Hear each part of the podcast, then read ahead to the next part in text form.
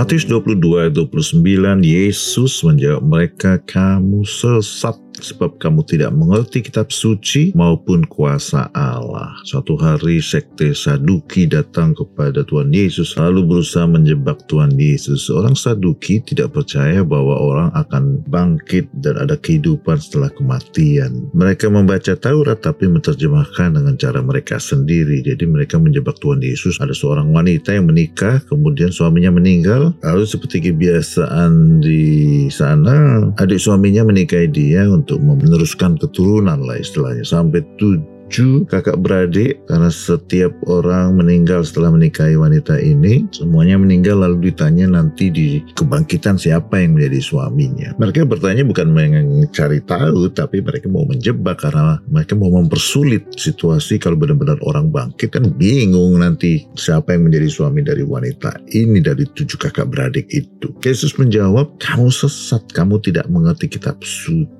suci. Karena memang di kitab Daniel 12 ayat 2, Taurat mengatakan ada kebangkitan, ada hidup yang kekal. Di Yesaya 26 ayat 19 dikatakan ada kebangkitan. Orang yang sudah punya paham sendiri, Alkitab bilang apa pun juga mereka tidak akan percaya. Itu sebabnya dari zaman ke zaman banyak aliran-aliran sesat. Sekalipun mayoritas dari gereja percaya sesuatu tentang kebangkitan, tentang Yesus adalah Tuhan. Mereka tidak percaya akan hal itu. Penyebab kedua adalah mereka tidak percaya ada kuasa Allah. Mereka pikir gak mungkin Tuhan bisa bangkitkan orang. Ada yang berkata Tuhan tidak bisa menyembuhkan manusia lagi. Itu cuma pada zaman Tuhan Yesus 2000 tahun yang lalu. Hari-hari ini jangan batasi Tuhan karena kita tidak percaya kuasa Allah dan juga kita tidak percaya apa yang Tuhan katakan di kitab suci karena kita menafsirkan seenak kita sendiri.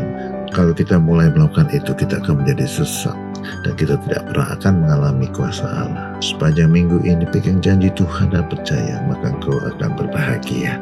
Amin.